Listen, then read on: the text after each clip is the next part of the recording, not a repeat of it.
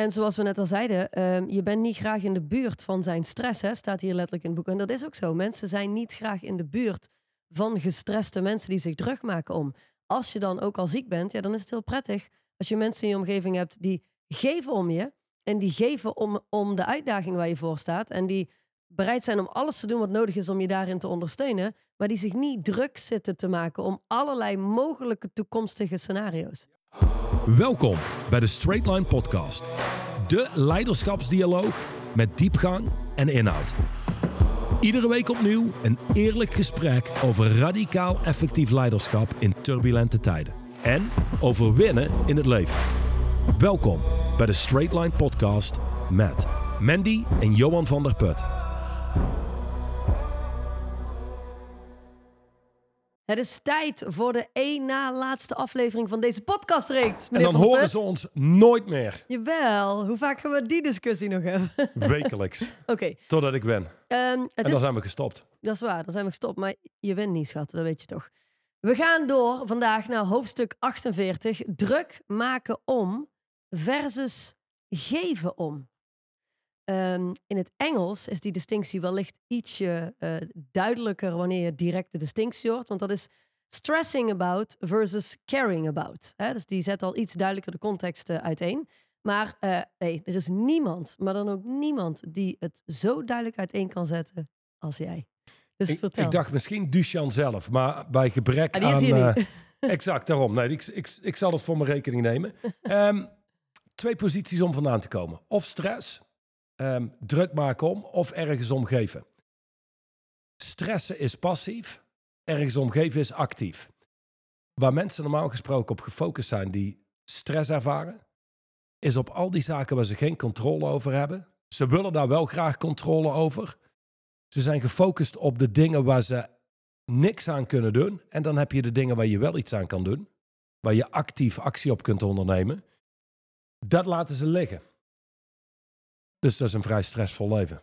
Dat is inderdaad een vrij stressvol leven. Dat doet me meteen denken aan een zin. Duchamp schrijft in dit boek over een, eh, een coach die hij eh, kent. Zijn naam is Ron Rustino. En Ron die zegt het volgende. Veel van mijn cliënten vullen hun dag met het blussen van brandjes en proberen alles tegelijk te doen.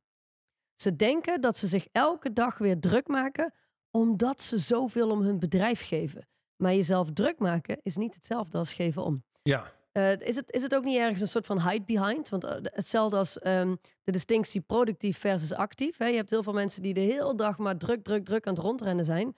Om eigenlijk te verdoezelen dat ze niet de noodzakelijk vereiste acties doen. Want ik ben zo druk, ben zo druk en, en dat.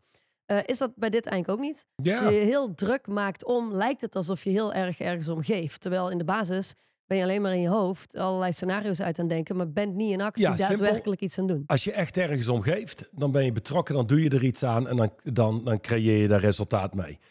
Als je dat niet kunt doen, in andere woorden, er zijn geen acties te ondernemen, dan heb je simpelweg een situatie te accepteren. Ja. Ehm, maar het is één grote show. Het, is, ehm, het laat je eruit zien als een betrokken leider. Iemand die echt ergens om geeft. Dan moet je eens kijken hoeveel stress ik ervaar. Ik heb er gisteravond zelfs niet van geslapen. En, en dat soort zaken. Eh, De bottom line is dat. Waar je je druk om maakt, heeft geen impact. Wat je doet aan iets, is waar de impact zit. Ja. Ehm, dus het is een vervanging van Mhm. ergens impact op maken. En in plaats daarvan rennen we druk rondjes, blussen we brandjes, maken we ons zorgen. Ja, precies. En doen we in de basis niet zoveel. Jij zegt net wel iets moois. Ehm, je, je- fietst er zo een andere distinctie in. En dat is ehm, zaken waar je controle over hebt versus zaken waar je geen controle over hebt. Kun je daar even kort iets over zeggen? Want ik denk dat dat mooi aansluit bij Ja. deze distinctie. Ehm, laat ik zo zeggen, het idee dat we controle verliezen is voor de meeste mensen, ik denk, een van de meest onaangename ervaringen. Mhm. Maar als mensen eerlijk gaan kijken waar ze controle over hebben en waar ze geen controle over hebben, dan zie je alles wat buiten jezelf ligt, heb je geen enkele controle over. Ook niet andere mensen. Nul. Ook niet je kinderen, ook niet je partner. Nee, nee, daar heb je geen controle over. Dat wil niet zeggen dat je niks kunt doen, maar je hebt er geen controle Je kunt er over. invloed op uitoefenen, maar dat is wat anders dan controle hebben. Ja, nou, en, en hoe kun je daar invloed op uitoefenen? Is door te focussen op jezelf en wat je zelf kunt doen. Exact. Dus waar je controle over hebt, is over wat er uit je mond komt. En waar je controle over hebt, zijn je acties. Als we daar eerlijk naar gaan kijken en we kijken naar al deze distincties van de afgelopen weken. Als je die distincties niet kunt maken, dan heb je ook geen controle over je acties. Dan heb je geen controle over hoe je kijkt naar dingen. En dat betekent dat je je eigenlijk je kracht weggeeft. En wat mensen vaak doen, is hun kracht weggeven aan iets buiten zichzelf. En in plaats van te focussen op jezelf, de acties die je zelf kunt ondernemen, verliezen we kracht in al die zaken waar we geen enkele controle over hebben, wat alles buiten jezelf is. Ehm, een vorm van stress is controle willen hebben over dingen waar je geen controle over hebt. Wat je zegt doet me denken aan een dame die ik een aantal jaar geleden heb gecoacht. En na een aantal sessies kwam ik erachter dat haar dochter anorexia had. Maar een serieus, serieus zware vorm van anorexia. Als in eh, een aantal keer in het ziekenhuis opgenomen, een aantal keer kantje bord. En ehm, nou ja, je kunt je al voorstellen, toen dat boven tafel of op tafel kwam, ging de coaching al heel snel een periode eh, over hele andere zaken dan waar ze me initieel voor in had gehuurd.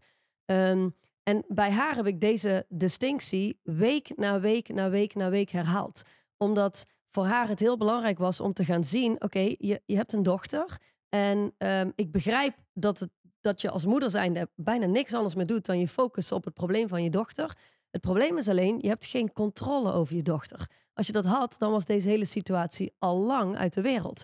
Dus ehm, het feit dat het zo lang aan bleef slepen, was voor haar voldoende bewijs om te zien: hey, ik, ik, heb ik heb inderdaad eigenlijk geen controle over mijn dochter. Zei ik, nee, maar je hebt wel controle over jezelf. Je hebt wel controle over alles wat jij zegt en alles wat jij doet. Of daar kun je in ieder geval controle over gaan nemen.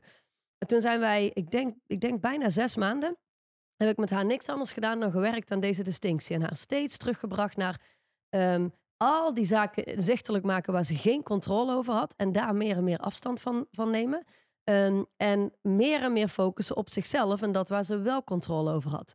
En ja, dit is echt een van die magische succesverhalen, omdat um, zes, nou, ik denk een acht maanden nadat wij gestart waren met onze coaching, kreeg ik een telefoontje van haar. En uh, toen zei ze, Mandy, het is, ik, dit, is, dit is niet normaal. Het is magisch wat er is gebeurd. Zei ik, vertel. Zei ze, nou, in onze allereerste conversatie over mijn dochter heb jij mij één ding gezegd vertel, wat heb ik je dan gezegd? Je hebt mij gezegd dat onze kinderen niet leren van wat wij ze vertellen, maar dat onze kinderen leren van wat wij ze voorleven. En het feit dat ik in de afgelopen ruim half jaar niks anders gedaan heb dan gefocust op waar heb ik controle over? Waar kan ik impact op maken? En ik ben mezelf dus gaan bekrachtigen. En ik ben groter en krachtiger geworden als vrouw. Heeft geresulteerd in het feit dat mijn dochter heeft gezien welke weg ik heb bewandeld. En ze heeft vandaag, warempel, een stuk pizza gegeten. Dat was echt, en, en dat klinkt natuurlijk als, oké, iemand heeft een stuk pizza gegeten. Maar dat Maar was dat een, is een grote mega, doorbraak, ja. mega doorbraak. En vanaf dat moment is die dame, eh, die jonge meid, heel rustig bergop gegaan. En is die moeder blijven doen wat ze deed. En dat was in de basis zichzelf bekrachtigen. Blijven focussen op waar heb ik controle over. En natuurlijk heeft ze haar dochter ondersteund en heeft ze er in de gaten gehouden. Dat is logisch. Ehm, maar ze, ze is de focus gaan verschuiven naar constant druk maken om. eh, van constant druk maken om haar dochter naar geven om het leven.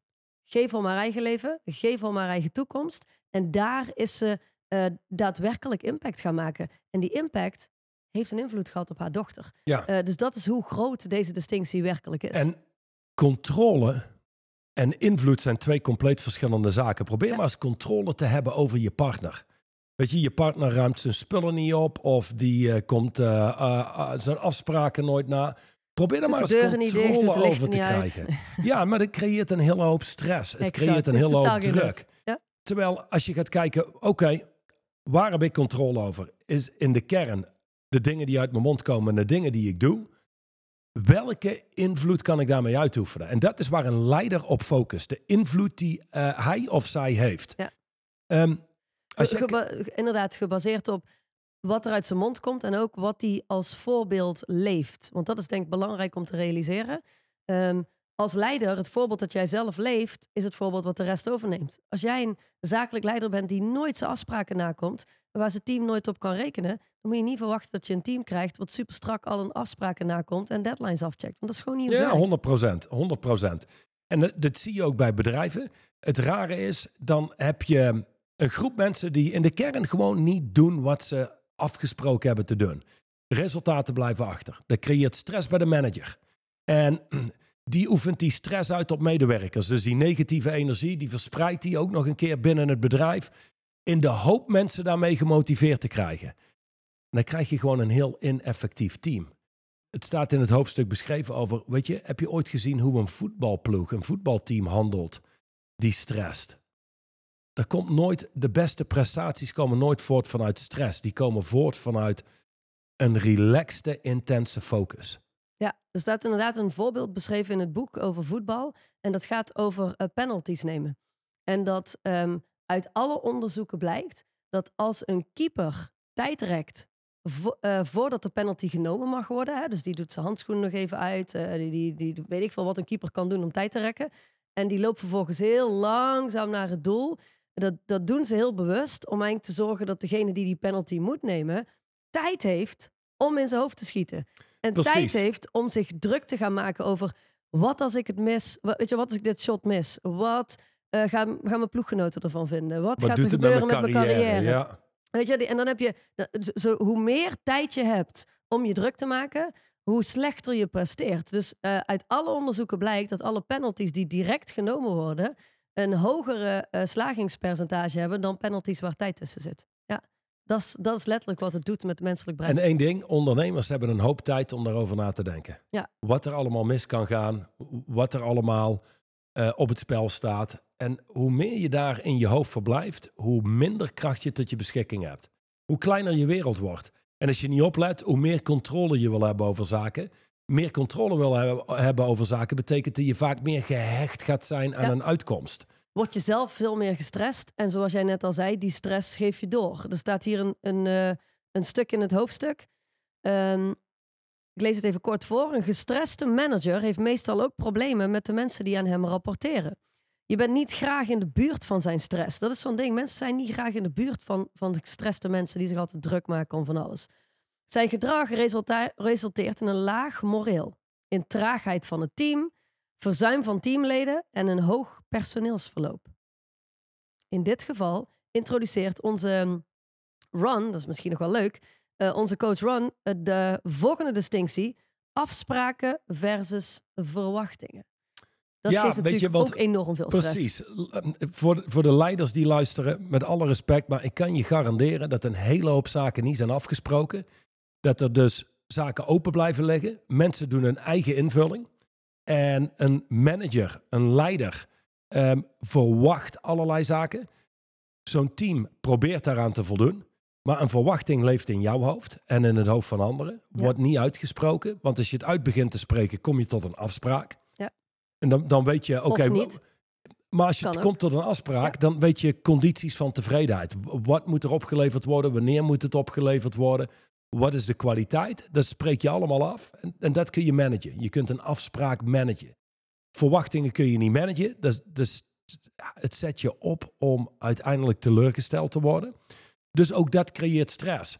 En medewerkers beginnen te doen waarvan zij denken dat de leider het verwacht. Er komt zelden overeen met wat de leider verwacht. Dus een hele stressvolle realiteit. Ja. Nu hier. En jij zegt, eh, om daar even op in te haken, jij zegt hè, op het moment dat je een zakelijk leider bent, maar dat geldt ook voor eh, een relatie thuis.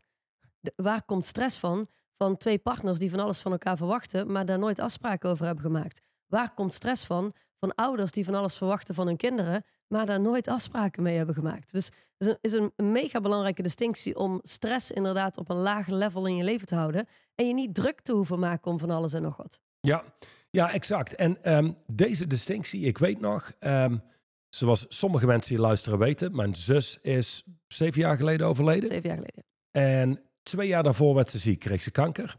En ik weet nog dat ik een telefoontje kreeg. Wij woonden in, eh, in België. En ik krijg een telefoontje en allereerst, laat zo zeggen, zo'n bericht komt binnen. Je hebt de neiging om je druk te gaan maken oh my god, en wat gaat er nu gebeuren? En wat was dit? En wat ja, ja, ja, inderdaad. En één ding, als je kanker hoort, dan gaat al di- direct wat er ook meteen mee komt, is Dood. de dood, inderdaad. En als je niet oplet, dan verzand je in, nogmaals, druk maken in al die dingen die mogelijk gaan gebeuren. Maar wat je aan de ene kant sane houdt, gewoon met beide voeten op de grond. En wat een hele hoop kracht geeft, is wat ik daar direct in het telefoongesprek deed, is... Oké, is er iets wat ik kan doen voor je? Ja. Is er iets waar ik bij kan helpen? Kan ik ergens bij ondersteunen? En in die hele tijd dat ze ziek is geweest, heeft daar mijn focus gelegen. Daar heeft mijn aandacht gelegen. Nu, normaal gesproken, als je, en veel mensen zullen dit herkennen, eh, als je dat soort telefoontjes krijgt, je krijgt dat soort nieuws. Mensen die komen vanuit stress. Zo van, oh my, en nu? En hoe gaat het met je? En oh my god, en, en wat gaat er allemaal gebeuren? Je lijkt heel betrokken. Mhm. En het lijkt het juiste om te doen. Weet je, ik geef om je, dus moet ik eigenlijk stressen hier, hierom. En, en is het nu dramatisch? ja, Exact. maar dit was zo'n totaal andere ervaring voor mij, maar ook voor mijn zus. Ja. En ze heeft wel eens gezegd, goh, het is zo prettig om jou in mijn omgeving te hebben. Je bent namelijk een van de weinige mensen die, die me gewoon snapt lijkt. Hm. Iedereen maakt zich druk, iedereen stresst. Eh, en als eigenlijk wij met elkaar zijn, er is geen stress, er is geen druk. Ik kijk of ik iets kan doen. En zij wordt ook niet belast met het feit, Exact. oh wacht even, als ik er dadelijk niet meer ben.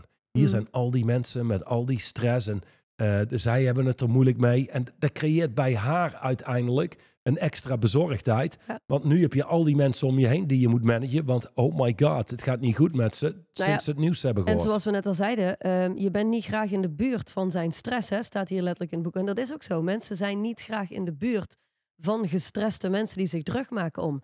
Als je dan ook al ziek bent, ja, dan is het heel prettig als je mensen in je omgeving hebt die geven om je. En die geven om, om de uitdaging waar je voor staat. En die bereid zijn om alles te doen wat nodig is om je daarin te ondersteunen. Maar die zich niet druk zitten te maken om allerlei mogelijke toekomstige scenario's. Ja, Zelfs hoe waarschijnlijk ze ook zijn. en, en voor jezelf geldt in zo'n geval, ehm, ergens omgeven is actief. Ja. Dat betekent gewoon dat je gefocust bent op de dingen die je kunt doen. En je accepteert dat er een hoop is wat je niet kunt doen. En stressen om betekent, je bent gefocust op al die dingen waar je geen controle over hebt. En dat wordt alleen maar groter in je hoofd. Zie het, zie het zo. Stel je moet een lezing geven. En je staat dan naast het podium en er speelt een heel orkest af in je hoofd. Hoe langer je twijfelt om het podium op te stappen. En mensen denken dan wel eens, ja, geef me wat tijd, want dan wordt het daar wat rustiger. Hmm. Dan kun je daarmee dealen. Maar het wordt alleen maar groter en het wordt alleen maar erger. Dus als mensen deze distinctie beginnen meester te maken, dan ga je merken hoeveel meer kracht je hebt. Ja. Hoeveel meer je überhaupt bijdraagt. Nou, ik heb hoeveel meer impact je hebt. Want, want uiteindelijk 100%. focus je op de in, in- invloed die je hebt. En je kunt het zo zien. Ehm, je hebt een, eh, een legendarische basketbalcoach. Phil, ik ben zijn naam, Phil, geen Phil Heath, dat is een basketbalspeler. Ehm, maar dat is de coach van Michael Jordan geweest. En er wordt, wordt wel eens gevraagd, goh, nou heb jij Michael Jordan gecoacht, maar ook al die andere spelers uit het team, waar we hier de naam helemaal niet van kennen. Ja, je hebt ze allebei gecoacht. Wa- Wat is nou het verschil? Nou ja, het verschil zit aan degene die, die dribbelt. Michael Jordan, die dribbelt, is iets anders dan een gemiddelde speler die dribbelt. Is die Phil een waanzinnige coach? Hele goede coach. Maar er zit een groot verschil tussen Michael Jordan coachen of een gemiddelde speler coachen. En ook in Het is dit... nog wel een uitdaging voor een coach om een team te vormen met een Michael Jordan. Dat is Daar, absoluut daar waar. moet je wel echt een, eh, een eh, meester voor zijn. Ja, ja, absoluut. Eh, en in dit geval betekent het gewoon degene, de, de leider die je bent terwijl je werkt met je team. Terwijl je je team aanspreekt op het niet behalen van resultaten of het niet behalen van targets. Kom vanuit dat waar je controle over hebt en kom vanuit dat waar je iets aan kunt doen, ergens omgeven, versus stressen, die energie meenemen. Ja, dat, dat op zichzelf maakt zo'n wereld van verschil op Ja. het team. Ik hoor nu, ik, ik hoor gewoon mensen die luisteren naar de podcast en die denken, ja, maar, maar, maar hoe dan? Ik heb dat in het verleden heel vaak gehad. Eh, vooral dames die me vroegen, ja, maar, ja, maar Mandy, hoe stop ik dan met me druk maken om? Waarop mijn antwoord dat heel simpel was. Hoe, Hoe stop je met in je hoofd zitten? Want dat is eigenlijk de vraag. Hè? Mensen die zich druk maken om, die zitten in hun hoofd in een of andere fantasiewereld. In een fantasiewereld van allerlei mogelijkheden die in de toekomst staan te, staan te wachten. Of in een fantasiewereld van, van het verleden, hè? van allerlei shit die zich daar heeft afgespeeld. Ehm, de aller, aller, aller meest effectieve manier om daaruit te komen is actie.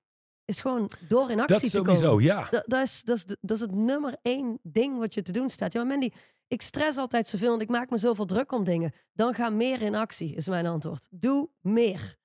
Ja. Doe meer acties. Ja, dat is namelijk actief. En je wil geen acties doen om weg te lopen van eh, bepaalde conversaties in je hoofd. Maar je wil ook beseffen wat het is. Dat hele druk maken kun je terugleiden naar een aantal conversaties die je hebt met jezelf over iets. Precies. En die conversaties geef je vervolgens betekenis. En besef één ding. Jij bent niet die conversatie in je hoofd. Dus je kunt die conversatie loslaten. Dat is als een soort recorder die gewoon doorgaat. Ik wil zeggen, betekent niet dat de conversatie verdwijnt. Mensen denken dat steeds. Als ik nou rust ervaar in mijn leven Ja. en ik sluit mijn ogen, dan is het helemaal leeg in mijn hoofd. Wat als er van alles door je hoofd rondgaat, maar je bent er gewoon niet in geïnteresseerd? En je toch in een staat van rust kunt verkeren. Ja, Exact. dat is wat een ware leider zal moeten kunnen doen om kracht tot zijn beschikking te hebben en Ja. invloed kun- eh, te kunnen uitoefenen. Nou, laten we dan heel kort even, dat doe je nu in de basis al, maar ik wil het graag eh, even kaderen. Ehm, als laatste ingaan op wat stress eigenlijk is. Wij hebben in de afgelopen eh, podcasts regelmatig stress wel even aangestipt. Ehm, ook aangegeven hoe stress nooit iets is van buitenaf. Het, het kan wel zo lijken. Het kan wel lijken dat er iets is van buitenaf wat jou stress geeft. Maar dat het altijd je interpretatie is van datgene wat er zich, wat er zich voor je afspeelt. Wat wel of geen stress bezorgt. Dus ehm, ik denk dat het wel goed is om bij dit hoofdstuk daar nog even op in te zoomen. Dus wat, hoe, hoe zie jij dat? Wat is stress? Hoe creëren mensen stress? Als ik het heel Ja. simpel uitkleed, dan is waar speelt stress zich af? Als mensen inderdaad, zoals je zei, stress hebben. ehm, ja, ik heb stress, want. En wat volgt na want is de illusie. Is het verhaal? Ja. Want dan is het, ja, mijn partner of die afdeling of er heeft net iemand ontslag genomen. Het zijn altijd zaken buiten jezelf. exact. Als jij vraagt aan iemand, hey, maar waar speelt die stress zich werkelijk af? Eh, in mijn hoofd. Oké, maar wat exact houdt die stress in? Dan kun je het terugleiden naar het volgende. Er is iets buiten jezelf. En intern hebben we op die feiten die zich afspelen buiten jezelf een medewerker die weggaat. Bijvoorbeeld, dus ik noem maar iets, een belangrijke medewerker die weggaat. En dan intern plakken we allerlei verhalen, interpretaties en geven dat allerlei betekenissen die kracht ontnemen. Dus oftewel, iemand heeft ehm, de uitspraak: ik heb een belangrijke medewerker die weggaat. De, de verhalen die daarbij komen zijn verhalen als. Oeh, dit gaat een slechte invloed hebben op het team. De resultaten gaan teruglopen. We gaan Eh, nooit gaan meer zo iemand vinden. We gaan nooit meer iemand vinden. Er gaan misschien nog meer mensen weglopen. Dat is zeg maar het hele verhaal. Wat Ja. uiteindelijk zorgt voor de stress. Exact. Het is het verhaal, niet de gebeurtenis. Dus die distinctie moet je al maken. Je zou zelfs het woord stress kunnen vervangen door problemen. Ik heb stress, is eigenlijk ik heb problemen. Of ik heb uitdagingen, whatever, hoe je het wil zien. Maar dat betekent, dan breng je het terug naar ik heb een aantal dingen aan te pakken. En dat wat je kunt aanpakken en waar je iets aan kunt doen, dat doe je. En dat waar je niks aan kunt doen, accepteer je. Als je er weerstand tegen blijft houden, dan blijf je energie verliezen. Dan blijf je die verhalen creëren. En anderzijds, als je er wel iets aan kan doen, dan los je het op.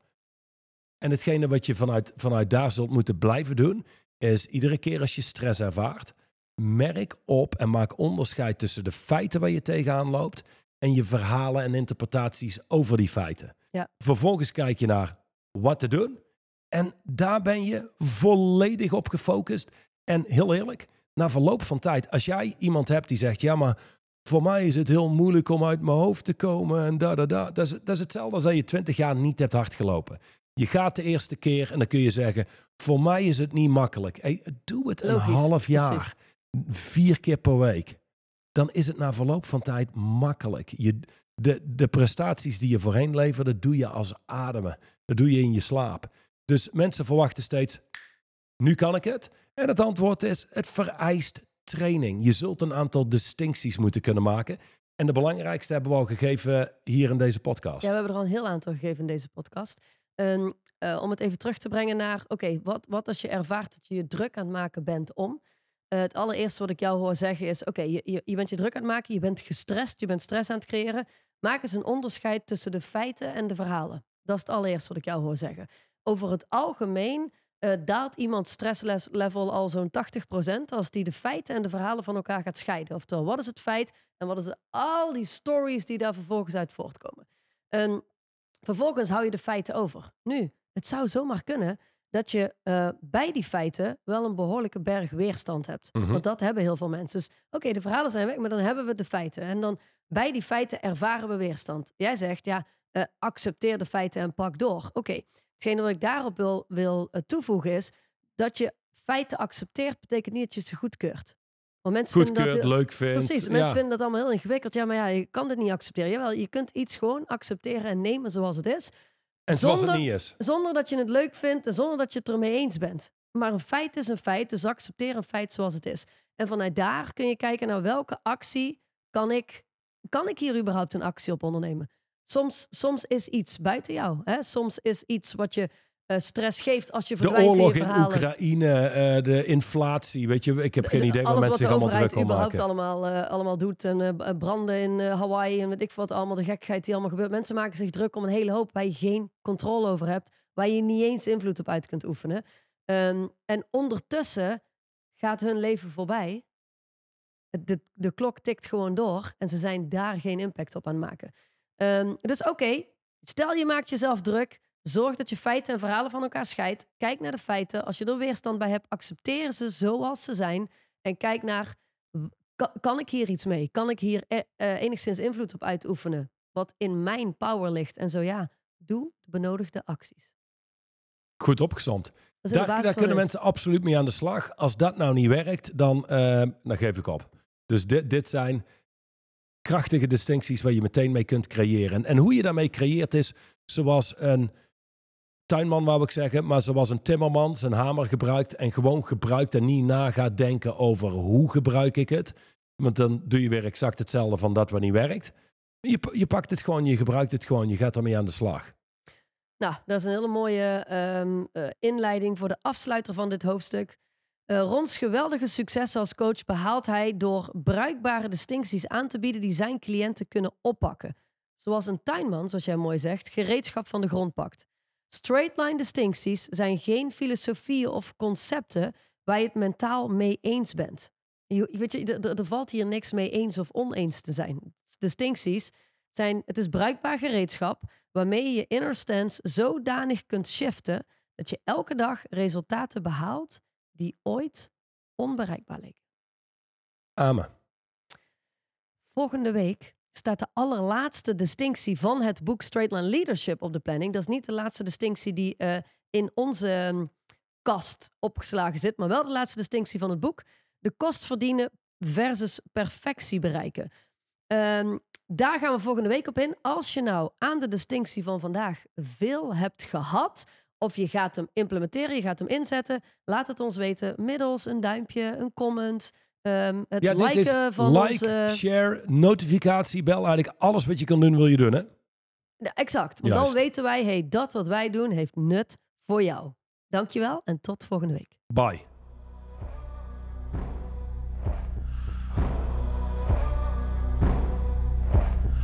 De overige podcast beluisteren of deze nog eens terugluisteren? Ga naar het YouTube of Spotify account van Straight Line Leadership.